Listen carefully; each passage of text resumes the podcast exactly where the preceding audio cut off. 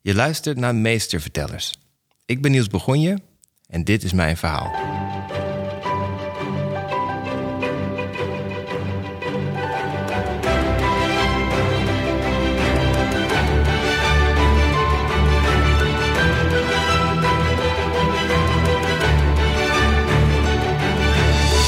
Hartelijk welkom bij Meestervertellers, de podcast die helemaal in de teken staat van verhalen en storytelling. Iedere week heb ik de eer om een bijzondere gast het hemd van het lijf te vragen en zijn of haar visie te horen over de kracht van een goed verhaal. En deze week zit bij mij Niels Bourgogne. Fijn dat je er bent. Leuk om er te zijn. Ja, gelukkig. hey, ik stel je graag eerst even voor aan onze luisteraars die jou niet kennen.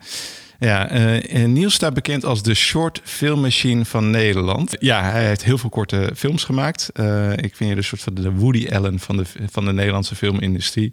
Ik hoop uh, dat het alleen maar refereert naar de frequentie van mijn werk. Ja, absoluut. Het refereert naar de frequentie van je werk. Je okay. bent heel productief. Uh, Niels is een autodidact filmmaker die zijn stepen verdiende als stagiair bij de internationale The Devil's Double. Hij maakte maar liefst 15 korte films en deze werden geselecteerd voor Academy Award qualifying festivals zoals Palm Springs Short Fest en Seattle International Film Festival.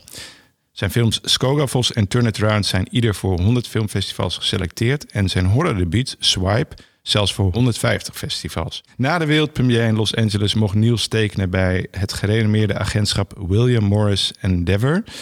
En sindsdien regisseerde hij de horror Woodland Cemetery en de Tweede Wereldoorlogfilm Barrier. Hij ontwikkelt nu zijn speelfilmdebuut, een pilot voor een webserie en een nieuwe korte film getiteld Shut. Zo Niels, jij zit dus niet stil. Nee, dat is uh, gewoon heel saai. Dus ik ga liever gewoon uh, films maken. Ja, en uh, je bent uh, online, of je hebt net een film weer gedraaid. Klopt dat? Dat is Shut? Ja, dat is Shut. De Nederlandse titel is Zwijg. Zwijg, oké. Nou, we gaan met Niels in gesprek over de kracht van een kort verhaal aan de hand van uh, een van zijn succesvolle films, namelijk Buddy. En we gaan in op de Story Circle. Dat zijn uh, acht essentiële stappen die helpen om een ja, krachtig verhaal te vertellen aan de hand van een structuur. En misschien nog leuk om te vertellen is dat Niels en ik elkaar al uh, lang kennen. en we zijn ongeveer gelijk gestart, volgens mij, met onze filmcarrière.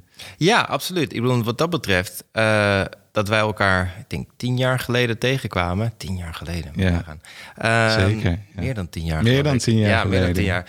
Uh, heeft mij echt enorm geholpen. Want uh, de eerste paar films die ik heb gemaakt, heb ik met jou gemaakt. Ja, dat en, klopt. Ja.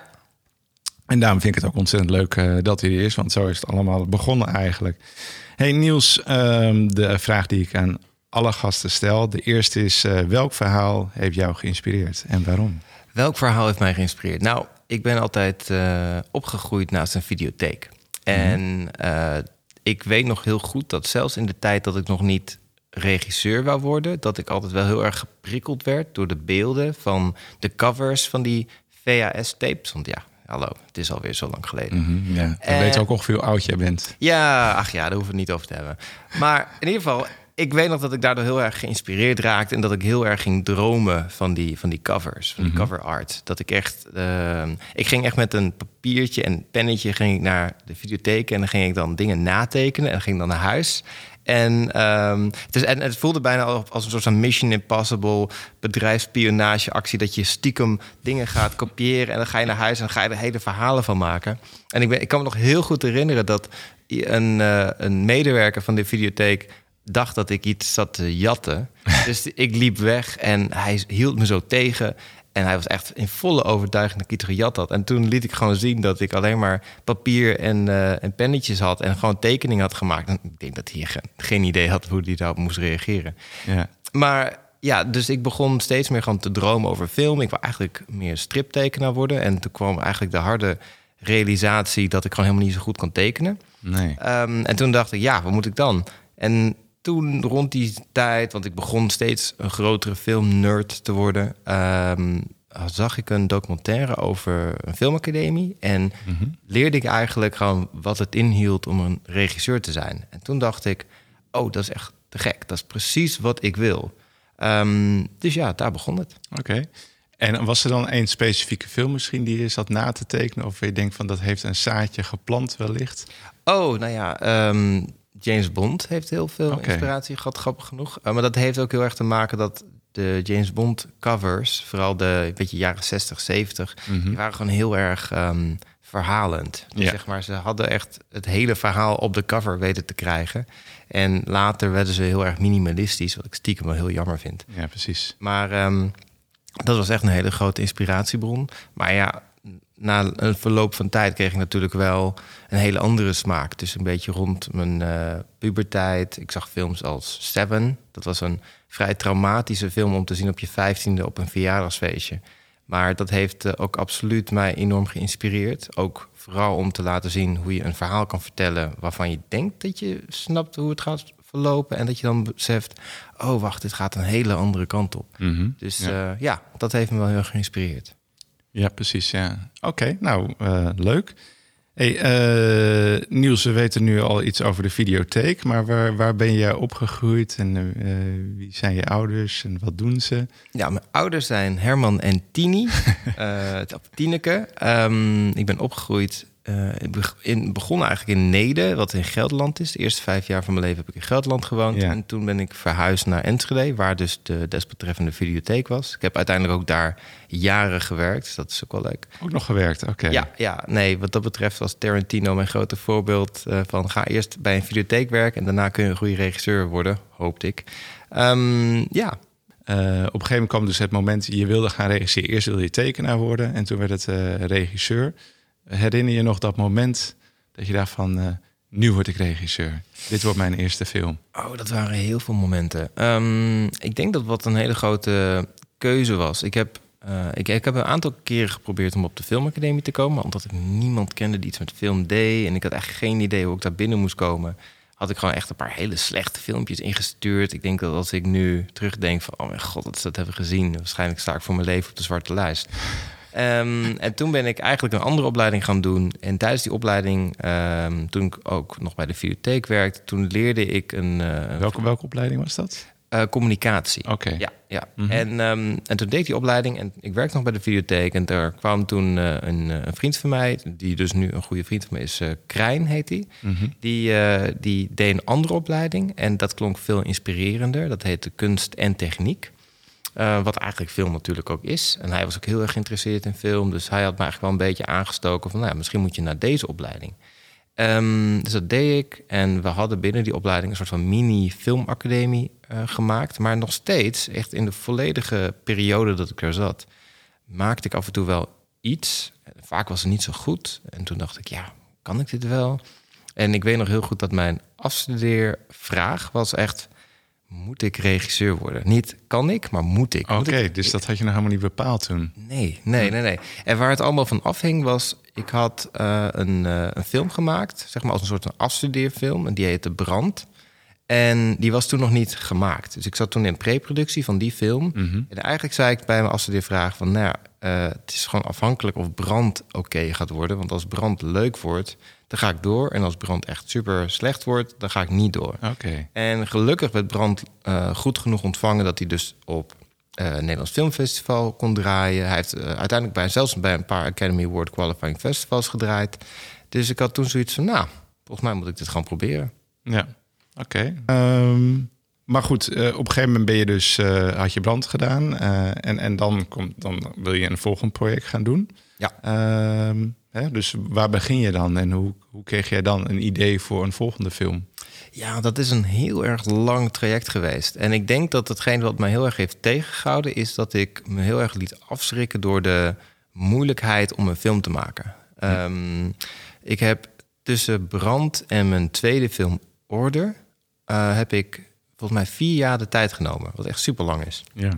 En tussen Orde en mijn derde film, Rust, wat een 48-hour filmproject was, um, daar zat geloof ik maar twee jaar tussen. Dus ik begon al langzamerhand te denken van... oh ja, misschien moet ik hier niet zo moeilijk over nadenken. En wat uh, je zegt van ja, het is heel moeilijk... maar wat, wat was het dan dat je er moeilijk aan vond? Nou ja, ten eerste, um, je moet dat financiering vinden. Dus dat is mm -hmm. lastig. Um, ik denk dat ik ook wel een beetje zoiets had van... ja, oké, okay, ik heb nou brand gemaakt en die is wel goed ontvangen... maar nu wil ik wel een soort volgende stap maken... maar waar, waar moet ik het over hebben? Dus ik had wel wat ideeën, maar die bleven heel lang liggen... of die werden niet geselecteerd... of Dat schoot eigenlijk niet zo op eigenlijk. Mhm. Ehm, en ja, ik denk dat ik ook altijd wel heel erg best wel pragmatisch ben qua ideeën bedenken. Dat ik eigenlijk altijd wel denk van, nou ja, ik, ik ga waarschijnlijk niet heel veel budget krijgen. Dus ik moet iets vinden waar ik ook ehm, iets uit kan halen wat niet te ingewikkeld gaat worden. Dus heel vaak zijn mijn films op één locatie of op twee locaties met twee acteurs of drie acteurs. Je bedoelt dat je dus denkt eh, binnen de beperking eigenlijk die je hebt. Ja, ja ik had heel vaak ideeën en dan denk ik, ja, maar dit is veel te ingewikkeld voor wat ik kan maken. Wat, Mhm. wat dat betreft was Brand ook heel erg simpel. En ik was eigenlijk heel erg op zoek naar een goed, simpel idee. En dat blijkt nou toevallig het aller, aller moeilijkste. Ja, want waarom is dat het allermoeilijkste? Leg dat eens uit. Omdat het heel makkelijk is om iets heel complex te maken. Ehm, omdat je uiteindelijk gewoon, ja, je wordt een beetje lui. En dan ga je niet, zeg maar, de.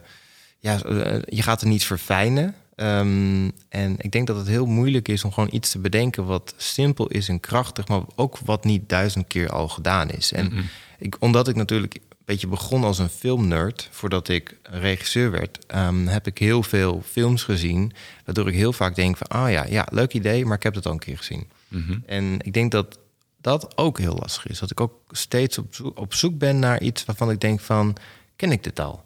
En ik denk ook dat je dat af en toe een beetje moet loslaten. Dat je af en toe ook moet denken, oké, ja, ik heb wel eens zoiets gezien, maar ik heb het nog niet op deze manier gezien. Nee, want het is denk ik heel lastig om origineel te zijn. Het lijkt wel alsof alles wel al gemaakt is of ieder thema al wel een keer behandeld is. Zeker, maar dan kun je kijken hoe kan je dit thema binnen een andere invalshoek benaderen. En dan wordt het weer heel fris. Als je bijvoorbeeld kijkt naar Tarantino bijvoorbeeld, die heeft eigenlijk al zijn films gaan over onderwerpen die al duizend keer gedaan zijn, maar omdat zijn benadering zo origineel is, worden die films origineel. Dan moet je dit verhaal dus ook nog vangen in een kort verhaal. Inderdaad. En, eh, dus eh, deze was 15 minuten, hè, weet ik toevallig, want ik heb hem zelf geproduceerd. Mm. Oh ja, daar ken ik je van. Ja. Maar ehm, ja, dan moet je dus tot een lengte komen. ja. En, en, en je wil veel vertellen. Dus hoe, eh, hoe weet je dan dat dat gaat passen binnen een kort verhaal? Nou ja, dat is een hele goeie. Want ik denk eerlijk gezegd dat ik bij Orde... ehm, dat de ontwikkeling die wij wilden vertellen... eigenlijk veel te groot was voor een korte film. Dus, dus ik weet nog wel dat het bij de montage... heel erg soort van die, eh, die edits zaten te rekken... met het materiaal wat we hadden. Omdat we voelden dat de ontwikkeling meer tijd nodig had. En daar had ik heel erg van geleerd. Want ik dacht van oké, de volgende keer moet ik... of niet een te grote ontwikkeling... Ehm, of, of gewoon een realistische ontwikkeling. En, en ik denk dat ik eigenlijk daardoor altijd op zoek ben gegaan naar verhalen waarvan ik denk van oké, dit past in een korte film. En dat, ja, waar is dat van afhankelijk? Ik denk dat dat, eh, wat voor mij heel goed werkt, is dat het eigenlijk, het zou op een, op een dag en het liefst eigenlijk binnen een aantal uur of hoe kleiner eh, de, de echte tijdsbestek is van de vertelling, hoe effectiever het wordt. Want als ik naar een film kijk en ze springen de hele tijd in de tijd, dan ben ik op een gegeven moment als kijker ook zo: oké, maar wacht eens even, wat is er dan tussen die periode en die periode gebeurd? Weet je, je wil eigenlijk meegenomen worden in het verhaal. Ja. En als je bij een korte film dat al doet, dan zijn mensen al heel snel geneigd om een beetje af te haken. Dus hoe meer je bijna een soort van real-time vertelling hebt, hoe sterker ik denk dat het wordt. Oké, en dan heb je het over ontwikkeling, hè? En heb je het dan over een ontwikkeling van het, de persoon zelf, of wat in de, in de film gebeurt? Eh, want je kan bijvoorbeeld op één dag kan er ook heel veel gebeuren. Zeker. Eh, en tegelijk kan je, eh, dus dat is een ontwikkeling, maar tegelijk kan je binnen één dag, ja, is, ook, is de kans, ja, verander je binnen één dag bij wijze van spreken. Ja. Dus hoe weet je dan dat, dat, dat je Nou. die ontwikkeling toch kan vangen? Nou ja, dat is de uitdaging. Ik, je wil uiteindelijk dat eh, het karakter aan het begin van de film anders is dan aan het einde van de film. Je wil dat het karakter gegroeid is, dat het karakter tot een nieuw inzicht is gekomen. Ehm, ja, het is interessant, want wat voor mij een enorme inspiratiebron is, is ehm, de Story Circle. En de bedenker van de Story Circle is een, een scenarist die heet Dan Harmon. Ja. Die heeft ook Rick and Morty en Community heeft hij bedacht. Die heeft ooit gezegd: um, Each human mind has a rhythm. And when you play that rhythm, your story resonates. En dat geloof ik ook heel erg. Dat als je um, hoe je als mens groeit, als je dat op een bepaalde manier kan linken aan de gebeurtenissen in een film, dan word je als kijker heel erg meegezogen in het verhaal. En dat is, vind ik in ieder geval een goede leidraad. Het hoeft natuurlijk niet letterlijk dat je dat volgt, maar ik vind het wel goed om je af en toe even aan te herinneren van... oké, wacht, ik maak nu deze keuze. Past dit in de story circle? Zo niet, oké, waarom maak ik deze keuze dan? Ehm, maar ik merk ook dat de films die vaak het meest effectief zijn... vaak ook binnen die story circle heel erg goed werken. Ja, en als je het dan hebt over een aantal ontwikkelingen... of sorry, een aantal events die dan gebeuren... Mhm. Eh, dus een aantal geloofwaardige events... en je zegt dus eigenlijk dat doordat die events gebeuren... verandert iemand uh, beetje bij beetje. Ja, precies. Eigenlijk natuurlijk net als in het echte leven... alleen zijn we daar ons aan misschien helemaal niet bewust van... dat we veranderen door uh, dat soort events. Hè? Mhm. We denken soms dat er misschien plots zijn we veranderd, maar daar gaat natuurlijk heel veel uh, aan vooraf. Hè? We, we nou, misschien bepaald gedrag wat we steeds verkeerd doen. En op, op een dag zijn we in één keer doen we het anders. Ja, maar daar gaat dus wat aan vooraf. En, en je zou misschien kunnen zeggen dat film daar een vergrootglas op leggen. Op die events die tot die verandering leiden. Ja, absoluut. Ik bedoel, volgens mij Hitchcock die heeft ooit gezegd... Uh, film is life with the dull bits cut out. Ja. En dat is, is het eigenlijk ook wel. Ik, bedoel, ik denk dat een, een goed verhaal is vooral dat je een karakter hebt... die een bepaalde geloofsovertuiging heeft... of een bepaalde noodzaak heeft die hij heel erg graag uh, wil bereiken of nodig heeft. En dat hij aan het einde van de film eigenlijk tot het inzicht komt dat hij verkeerd heeft gekeken. En het is ook grappig als je dan bijvoorbeeld als maker kijkt naar je eigen carrière. Dan ik denk dat ik ook wel um, in het begin me op dingen focuste. En dat ik daardoor eigenlijk een beetje het uh, perspectief verloor op hetgene wat echt belangrijk is. En dat is wel uh, grappig. Bijvoorbeeld, ik was in het begin heel erg geobsedeerd door um, wendingen. Ik vond het heel belangrijk dat een verhaal een wending had. Terwijl, Wat is het verschil tussen een wending en een ontwikkeling bijvoorbeeld? Een wending is dat je op een um, plotmatige manier probeert je karakter te verrassen. Niet je karakter, je kijker te verrassen. Maar het probleem daarvan is dat het heel erg plotmatig is en niet vanuit karakter. Tenminste, als je het niet goed doet. En dan kan het heel erg artificieel voelen. En vooral bij korte films. Kijk, als je een lange film hebt, dan kan je dan, is het, dan werkt het beter omdat je veel meer tijd hebt om dat zeg maar te, te bouwen. En dan heb je ook meer tijd om je karakter te bouwen. Maar als je een korte film hebt, dan moet je dat heel erg goed afwegen hoe je een verrassing doet. Maar aan de andere kant moet je film ook verrassend zijn. Maar mm -hmm. dan probeer ik die verrassing meer vanuit de geloofwaardigheid van je karakter te laten komen dan dat je te veel doodstaart op plot. Hey, en um, ik, uh, ik zou heel graag uh, uh, iets over Buddy gaan vertellen of, of daarover hebben. Omdat dat ten eerste een succesvolle project van jou is. Maar ook omdat we het laatste over hadden dat als we het hebben over de Story Circle. Um, dat grappig genoeg dat Buddy eigenlijk die stappen heel goed doorloopt of die fases. En misschien dat dat dan ook wel het succes verklaart van de film. Mhm. En daar ben ik wel heel benieuwd naar.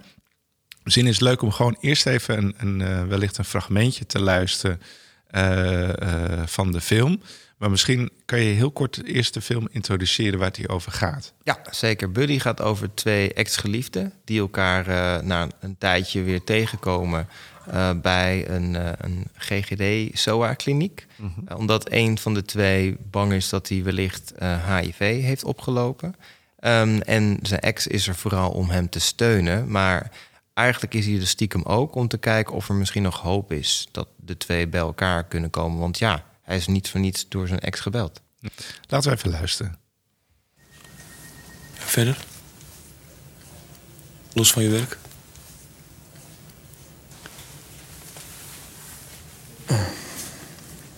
Ja, ja oké. Okay.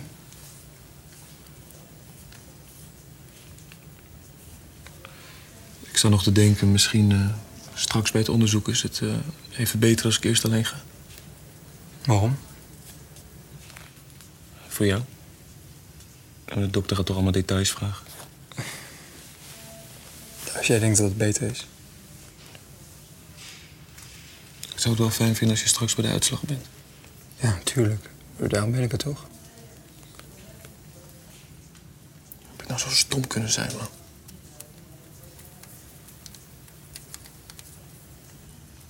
Het is toch helemaal niks voor mij, dit?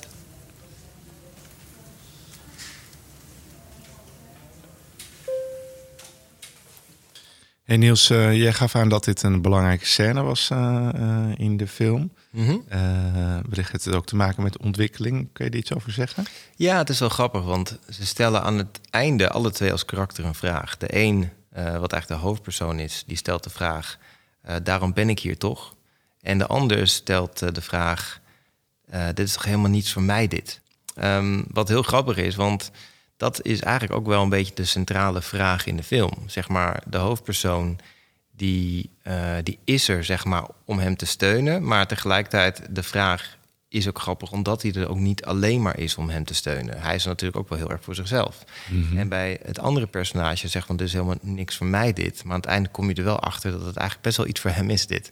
Dus, dus het is, um, de film gaat voor mij heel erg over miscommunicatie. En grappig genoeg, nu ik terugdenk over heel veel van mijn films, gaan ze bijna allemaal over miscommunicatie. Mhm. Het is niet een bewust ding. Soms ben je met projecten bezig of verhaallijnen en dan blijkbaar is er iets wat je triggert. En blijkbaar zijn dat verhalen die ik interessant vind. Ik zal straks even uitleggen waarom. Mhm, maar um, ik kreeg het script um, van een, uh, een producent, uh, Edwin Goldman. En die had, uh, had gevraagd, zou je dit willen regisseren? En ik las het. En ik dacht van, ja, net als wat ik net over Turn It Around vertelde. Oké, okay, het gaat over een gay stijl. Ik, ja, ik ken die wereld gewoon niet goed genoeg. Ik ben ook wel woke genoeg om af en toe te denken... ja, maar dan ben ik gewoon niet de juiste regisseur hiervoor. Want je wil ook wel dat uh, iemand de wereld begrijpt... en dat het authentiek voelt. Maar grappig genoeg, ik las het en ik moest toen denken aan een gebeurtenis waarbij ik mijn ex, met wie het, het, was toen na vijf jaar een relatie te hebben gehad, was het net, denk twee maanden uit. En we hadden eigenlijk besloten dat we even, omdat het toch wel een beetje uh, moeilijk was, uh, dat we echt hadden besloten: oké, we gaan even geen contact met elkaar hebben. En toen kwamen we elkaar tegen in de trein. Um, toen ik van Enschede, mijn, uh, nou ja, waar mijn ouders wonen, naar Amsterdam moest. En zij, zij liep naast me, zeg maar, toen ik ging zitten. En zei ze van, hey. Ik zei, oh, hey. En toen ging ze zitten. En toen dacht ik, oh ja, ik zit nu gewoon twee uur met haar hier. maar ik ben omringd door vreemden. Ja. En daardoor was ik heel erg zelfbewust. En ik denk, ja, ik kan nu moeilijk aan haar vragen van... hé, hey, maar is er al iemand anders in je leven? Weet je, dat soort dingen kon je niet vragen. Dus eigenlijk mhm. ben je de hele tijd over uh, alles een beetje aan het praten... maar eigenlijk praat je over niks. En, Koetjes en kalfjes. Precies. En ik vond dat daar heel veel drama zat in dat gesprek. En dat je. Eigenlijk hetgeen is wat niet wordt uitgesproken. Precies. En dat vind ik, daarom vind ik miscommunicatie zo interessant. Mm. Want miscommunicatie is eigenlijk iets wat je heel erg goed kan verbeelden. Mensen kunnen praten. Want mensen praten nu eenmaal. Ik vind het ook een beetje onzin om een film te hebben waar helemaal niet in wordt gesproken. Maar ik vind ook dat de dingen die mensen niet zeggen vaker interessanter zijn dan wat ze wel zeggen.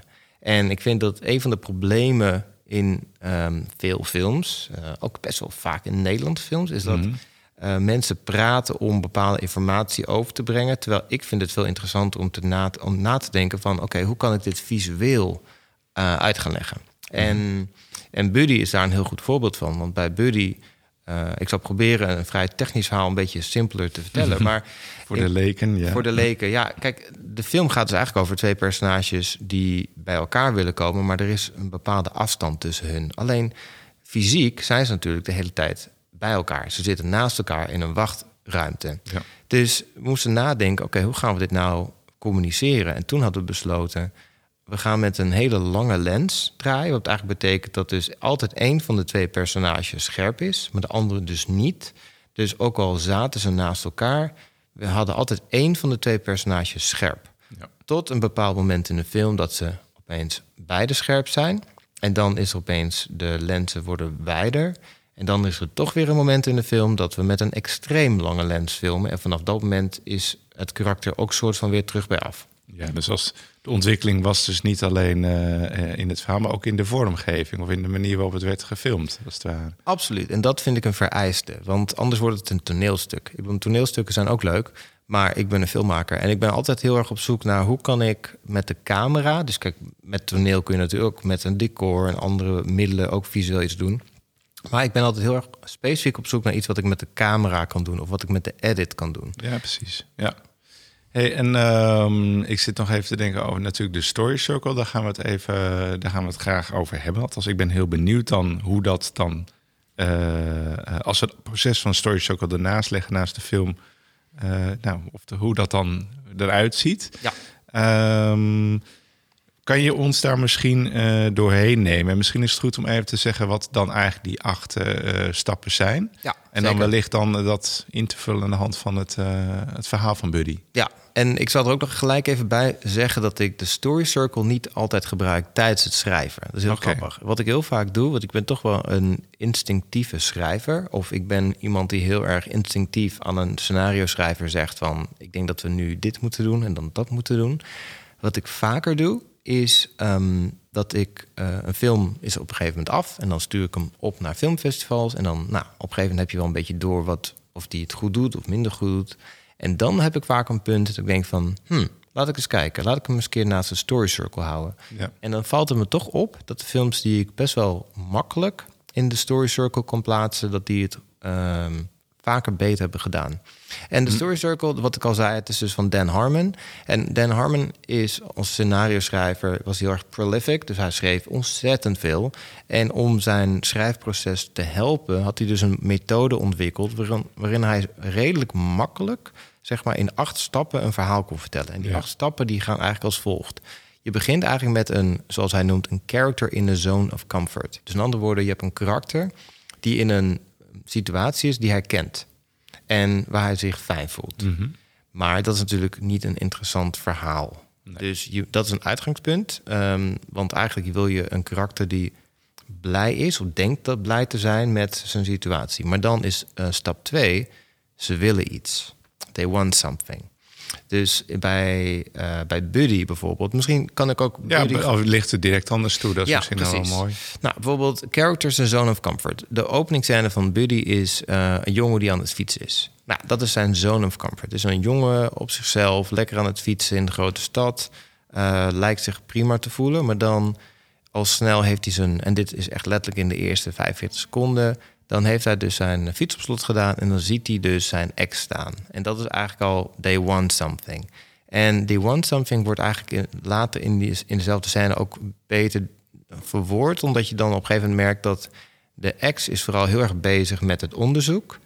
Maar de hoofdpersonage is heel erg bezig met hem. En die probeert heel erg een connectie te vinden. Probeert heel erg oogcontact met hem te krijgen. Maar dat lukt niet. Nee. En dan komt hij dus in een situatie terecht. wat voor hem dus een moeilijke situatie is. Want, en dat is de stap drie. They enter an unfamiliar situation. Nou, dat is bij Buddy heel letterlijk. Ze lopen de SOA-kliniek binnen. En je ziet dat de, zijn ex zich best daar oké mee voelt. Je ziet niet, de ex is wel zenuwachtig, maar lijkt niet om zich heen te staren van waar ben ik? Of hoe ziet het eruit? Hij loopt gewoon naar een stoeltje en nou, hij weet Mhm. hoe het werkt. Maar de hoofdpersonage die kijkt echt om zich heen en voelt zich niet op zijn gemak. Dus die weet eigenlijk niet zo goed wat hij ermee moet. Mhm. En dan, uh, hij maakt er het beste van. Dat is dus uh, in dit geval ook stap 4. They adapt to it. Dus hij probeert zich aan te passen aan de situatie. Dus wat hij doet is um, binnen de restricties die hij heeft... dus in dit geval een restrictie is het feit dat hij dus niet alles kan zeggen... Mm-hmm. Um, begint hij steeds langzamer ook wat fysieker te worden. Dus een van de dingen die hij doet is hij legt zijn hand op uh, de knie van zijn ex... om mm-hmm. even een soort van lichamelijke connectie te hebben. Want zijn ex is zo soort van zenuwachtig dat hij daar dus niet zeg maar een connectie mee kan maken. Dus dan is dat zijn manier. En maar ja, op dat moment wordt de ex wordt dan geroepen door uh, de arts en hij moet dan dat dus doen. Um, en dan staan ze buiten en dan is er eindelijk een soort van moment van verzoening waarin het hoofdpersonage eigenlijk vraagt: um, zijn er andere jongens geweest. Behalve deze jongen waar hij dus blijkbaar dan eventueel HIV aan heeft ja. overgehouden. En de ex zegt nee. En hij krijgt een knuffel en het lijkt allemaal goed. Dus, en dat is stap vijf. He gets what he wants. Dus get what they wanted. Ja. Um, dus er is een moment in de film dat je dus ziet dat ze dus samen zijn. En grappig genoeg, wat ik net zei over het gebruik van lenzen. Dit is voor het eerst in de film dat wij dus met een wat wijdere lens draaien. Mm -hmm. En dat we dus zien dat ze samen in dezelfde focuslijn zitten. Um, maar dan komt het gesprek met de arts, waarin uh, de ex hoort of hij wel of niet HIV heeft. En, en dat is dus ook weer grappig genoeg een soort van wending in het verhaal. Want op dat moment voel je heel erg dat die twee jongens een soort van moment van verzoening hebben. En dat ze dus samen sterk zijn om al het slechte nieuws aan te kunnen. Maar dan hoort de, de ex dat hij dus niet heeft, dat hij geen HIV heeft. Dus de hoofdpersonage is ook voor hem opgelucht. Maar dan hoort hij ook dat hij dus niet de enige was. En dat er dus ook andere exen in het spel waren. En dat is dus. Hoe hoort hij dat trouwens? Omdat de arts zegt. ehm, en, eh, en zoals we het hebben besproken, de rest hoef je ook niet te bellen, want je hebt niets. Oh, oké. Dus, ehm, dus, dus dat is een enorme klap. En wat we hier ook. Ja, vrij pijnlijk. En wat we hier ook hebben gedaan is. ehm, begin van de film waren we op een enigszins lange lens. Maar op dat moment van de film op een enorme lange lens. Dus de ex is zeg maar zo verbeeld dat hij echt één grote autofocus vlek op de achtergrond is. En we zitten eigenlijk alleen maar bij het hoofdpersonage. En dan eh, gaan ze naar buiten. En grappig genoeg is deze scène heel erg identiek aan de openingsscène... dat ze elkaar dus zien bij de ingang van de GGD. Ehm, en dat is dus stap 7. They return to their familiar situation. Dus grappig genoeg eh, ga je dus eigenlijk weer terug bij af. Dat is stapje 7. Ehm, ze nemen afscheid. De, de ex vraagt nog, eh, waar staat je fiets? En we weten dat hij gefietst is, want hij, in het begin was hij met de fiets daar naartoe gekomen. En dan zegt de hoofdpersonage, ik ben met de tram. En ze nemen afscheid en dan blijft er staan. We zien dat hij nog steeds bezig is om te incasseren eigenlijk wat hij net heeft gehoord. Maar in het aller, allerlaatste moment zie je hem knikken. Bijna met een gevoel van, het is goed zo. En dat is stapje 8, having changed. Oké. Heel subtiel eigenlijk dus, eh, die, die laatste verandering. Ja, zeker. Oké. Hey, dus de acht stappen. En ehm, je zegt het zijn stappen, maar eigenlijk bij iedere stap vindt er dus een ontwikkeling plaats. Of zou je zeggen van, eh, of die, ont, eh, die stap is eigenlijk weer de, die push, zeg maar, die ontwikkeling. Zou ik dat zo kunnen formuleren? Of? Zeker. Ja, uiteindelijk wat ik al zei. Het, ehm, de story circle dient heel erg eh, voor om zeg maar de, de schrijver te helpen herinneren dat het uiteindelijk gaat om het karakter. En een verhaal is pas een verhaal, vind ik, als er een ontwikkeling is. Als er geen ontwikkeling is, dan is het een anekdote. Ja. En jij zei net van, nou, die hebt die acht stappen. En nou, ik, ik hou dat dan achteraf, kijk ik er dan even naar. Maar is het misschien een beetje zoals koken, dat je... Je weet nu deze stappen eigenlijk. En eh, als je gaat koken, ja, dan doe je ook het een beetje op gevoel als je het vaak hebt gedaan. Maar je kan wel natuurlijk het stapplan op de achterkant van het recept eh, blijven volgen. Maar als je vaak genoeg kookt, dan gaat dat ook een beetje automatisch. Ja. En dan toch ben je wel benieuwd van... eh, heb ik eigenlijk het eh, juiste recept gevolgd, zeg maar. De- Nou, precies. En dat is ook. eh, kijk, de story circle is een soort van houvast. Net als dat een recept een houvast is als je gaat koken. Maar ik denk dat als je echt een goed gerecht wil hebben, dan moet je toch er een beetje leven in zien te krijgen. En Ja. ik denk dat leven wordt gecreëerd door af en toe een beetje uitstapjes te maken. Dus dat je ook heel erg je eigen gevoel of je eigen ervaringen of je of improvisatie, dat je op die manier er iets in krijgt waarvan je toch voelt van, oh ja, dit is toch anders dan. Bijvoorbeeld als je tien mensen hetzelfde recept geeft en, en zeg maar ze gaan allemaal op dezelfde manier hetzelfde recept tot in de detail uitvoeren, nou ja, dan heb je tien keer hetzelfde gerecht. Maar als je mensen zegt, oké, dit is het recept, maar doe ermee wat je wil, speel ermee. Dan ga je tien, als het goed is, verschillende soorten gerechten die wel enigszins hetzelfde zijn, maar de ene zal dit- iets meer dit toevoegen of zal iets minder dat toevoegen. Ja. En dan gaat het leven, dan is het interessant. Zeker, ja. Hey, eh, maar dat is, het is natuurlijk hartstikke fijn dat dat er is. En eh, mensen kunnen dat dan eigenlijk ook, ja, misschien ook voor beginnende makers, eh, wel wat, actiever toepassen. Zeker als je zegt, als je het doet, dan is de film succesvoller blijkt. Dus het is toch een soort van recept waardoor mensen ja, maximaal wellicht worden meegenomen in dat verhaal. We hebben blijkbaar dus acht stappen nodig om echt te worden meegezogen in dat verhaal. En is dit, is dit dan iets wat geldt voor iedere film, zou je kunnen zeggen? Of, of, eh, of korte films alleen? Nee, helemaal niet. Ehm, bijvoorbeeld, je kan de Story Circle kun je echt op een, een speelfilm zetten. En je kan zelfs ehm acte technisch kun je zelfs de Story Circle. Je kan zelfs soms in scènes kun je zelfs eh, de, de Story Circle gebruiken. Ja, want en natuurlijk los van die acht stappen moet natuurlijk inhoudelijk nog steeds een, een goed verhaal zijn. En dat moet je nog steeds verzinnen natuurlijk. Dus dat eh, blijft een uitdaging. Ja, Als maar het zo makkelijk zou zijn, dan zou iedereen een, eh, een, een goede film kunnen maken, wellicht. Nee, maar dat is het ook. Het is ook het aller, allermoeilijkste. Ik, bedoel, ehm, ik, ik doe dit al, nou ja, wat zou het zijn, al meer dan tien jaar. Ja. Maar het is toch moeilijk om echt op een goed verhaal te komen. En soms is ook je, de interesses die je hebt, eh, die kunnen af en toe juist een beetje tegen je werken. Dat je bijvoorbeeld, ehm, ja, stel, je, je houdt heel erg van vissen. En dat is echt je passie. En je Ja. bent ook filmmaker. Dan ga je gewoon automatisch vissen langzamerhand waarschijnlijk in je narratief stoppen. Maar als mensen niet van vissen houden of denken van wat een ontzettende saaie bezigheid is dat, dan ga je waarschijnlijk wel een deel van je kijker eh, of je deel van je publiek een beetje vervreemden. Dus ehm, het is belangrijk dat je je eigen leven erin eh, verwerkt, maar je moet af en toe denk ik ook gewoon heel scherp zijn op wat vinden mensen gewoon leuk en wat vinden mensen niet leuk. En, je, tegelijkertijd moet je ook weer daar ook weer niet op doodstaren, want kijk als Wes Anderson eh, had gedacht van ja dat ik Een alles regisseur, een bekende ja, regisseur. een bekende regisseur van The Grand Budapest Hotel en, Ja. eh, en vele andere goede films. Die eh, heeft een hele symmetrische stijl. Alles lijkt bijna een soort van poppenhuisje. Alles wat hij Mhm, maakt. Ja. Als hij had gedacht van ja, ik vind sy- symmetrie leuk, maar ja, mijn tante niet en mijn overbuurman ook niet. Misschien moet ik maar niet zoveel symmetrie in mijn film stoppen. Kijk, als je dat doet, dan kan je ook misschien jezelf heel erg ook weer in de weg zitten. Als je denkt van ja, dat ik het leuk vind, betekent niet dat andere mensen het leuk vinden. Dus het is, ehm, daar moet je ook heel erg eh, geluk mee hebben. Dat je als regisseur smaak hebt die ook nog te linken is aan een smaak van een grote publiek. Hey, en eh, als we het nog eens even dan hebben over wellicht wat tips, hè, want we hebben ze dus nu al een paar genoemd.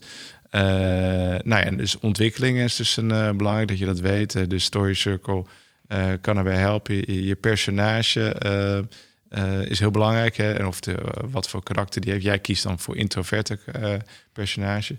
Nee, je hebt ook wel een bepaalde thematiek. Hè, dus miscommunicatie kies jij voor. Maar dat leidt alleen maar, of dat ja, zorgt daar misschien nog voor meer drama of ontwikkeling als het ware. Ja. Ehm, zijn er misschien nog andere tips voor mensen die eigenlijk een kort verhaal zouden willen vertellen?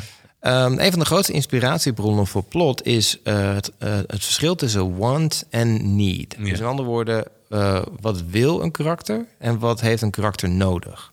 En als ik nou bijvoorbeeld Buddy als voorbeeld neem, je, als kijker denk je wat het hoofdkarakter want is, hij wil eigenlijk terug bij zijn ex. Dat is wat hij wil.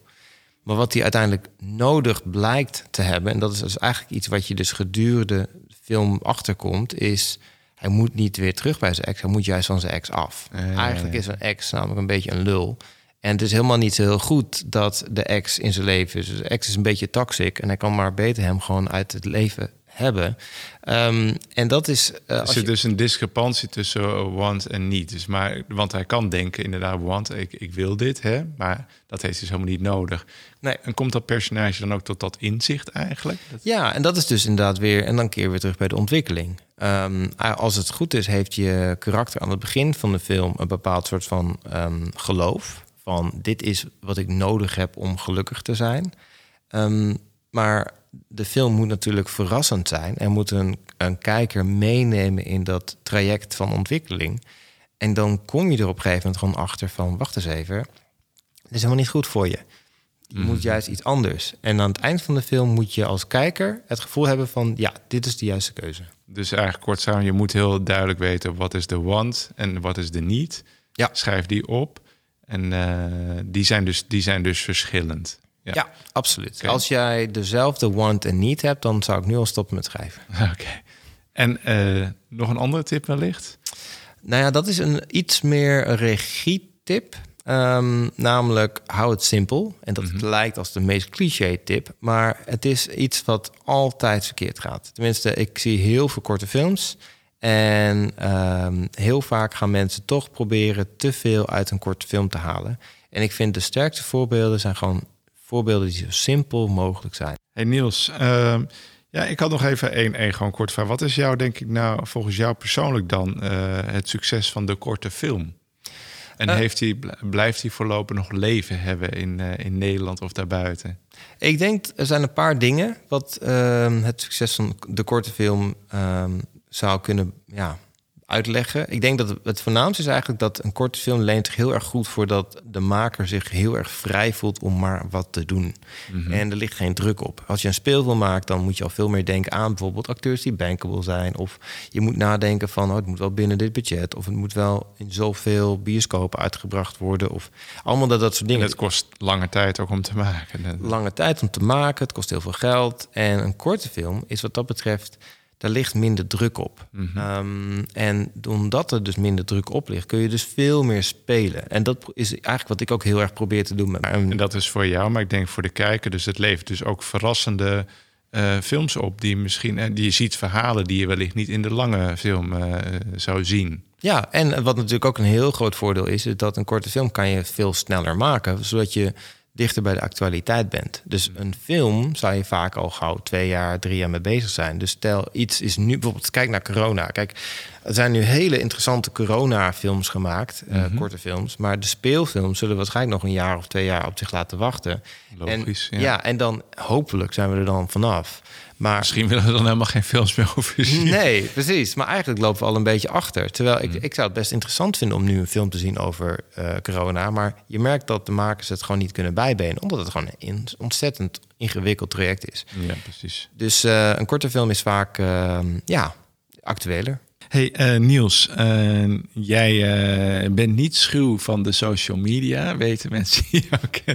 Maar als mensen onder een steen hebben gezeten, waar zouden ze jou kunnen vinden? Waar kunnen ze meer van jouw werk zien? Oh, ik ben echt zeker niet zo aan publiek dat iedereen mij kent hoor. Maar, maar je kan mij op zich wel makkelijk vinden. Je kan mij op Facebook gewoon vinden als je Niels Begonje intikt. Als je op, eh, op Google nielsbegonje.com intikt, dan zie je mijn website. Als je op Vimeo, eh, vimeo.com slash Niels Begonje intikt, zie je het meeste van mijn werk. En als je naar Instagram gaat en je eh, tikt nielsbegonje.com... en dat is echt uitgeschreven, dus D-O-T-C-O-M... dan zie je mijn Instagram. En iets wat voor op dit moment in het coronatijdperk blijkbaar erg populair is... is ik heb een... Vorig jaar eh, ben ik begonnen met het wekelijks aanbevelen van films op net, Netflix. Dus dat heet Netflix a Week. Dus onder de hashtag Netflix a Week eh, zet ik iedere week... dus dat is nu al meer dan 50 films... zet ik eh, tips. Oké, en, ehm, ja, en dat is heel leuk, omdat ik dan nu niet meer word lastiggevallen... door al mijn vrienden die vragen... Heb je "Niels, nog tips voor mij? Heb je nog tips voor mij? Ah, ja, Dus dus, dat, het is, dat werkt dan twee kanten op. Ja. Precies, precies. Oké, nou hartstikke mooi. Dus nou fijn Niels, dankjewel eh dat je er was. Leuk om er te zijn. En eh, tot snel weer. Ja, dan ga ik afronden. Ontzettend bedankt voor het luisteren. En wil je meer weten over deze podcast? Check dan meestervertellers.nl. Mocht je zelf suggesties hebben voor een leuk onderwerp of insteek, laat het mij weten via onze Facebookpagina of Instagram. Hopelijk tot volgende week.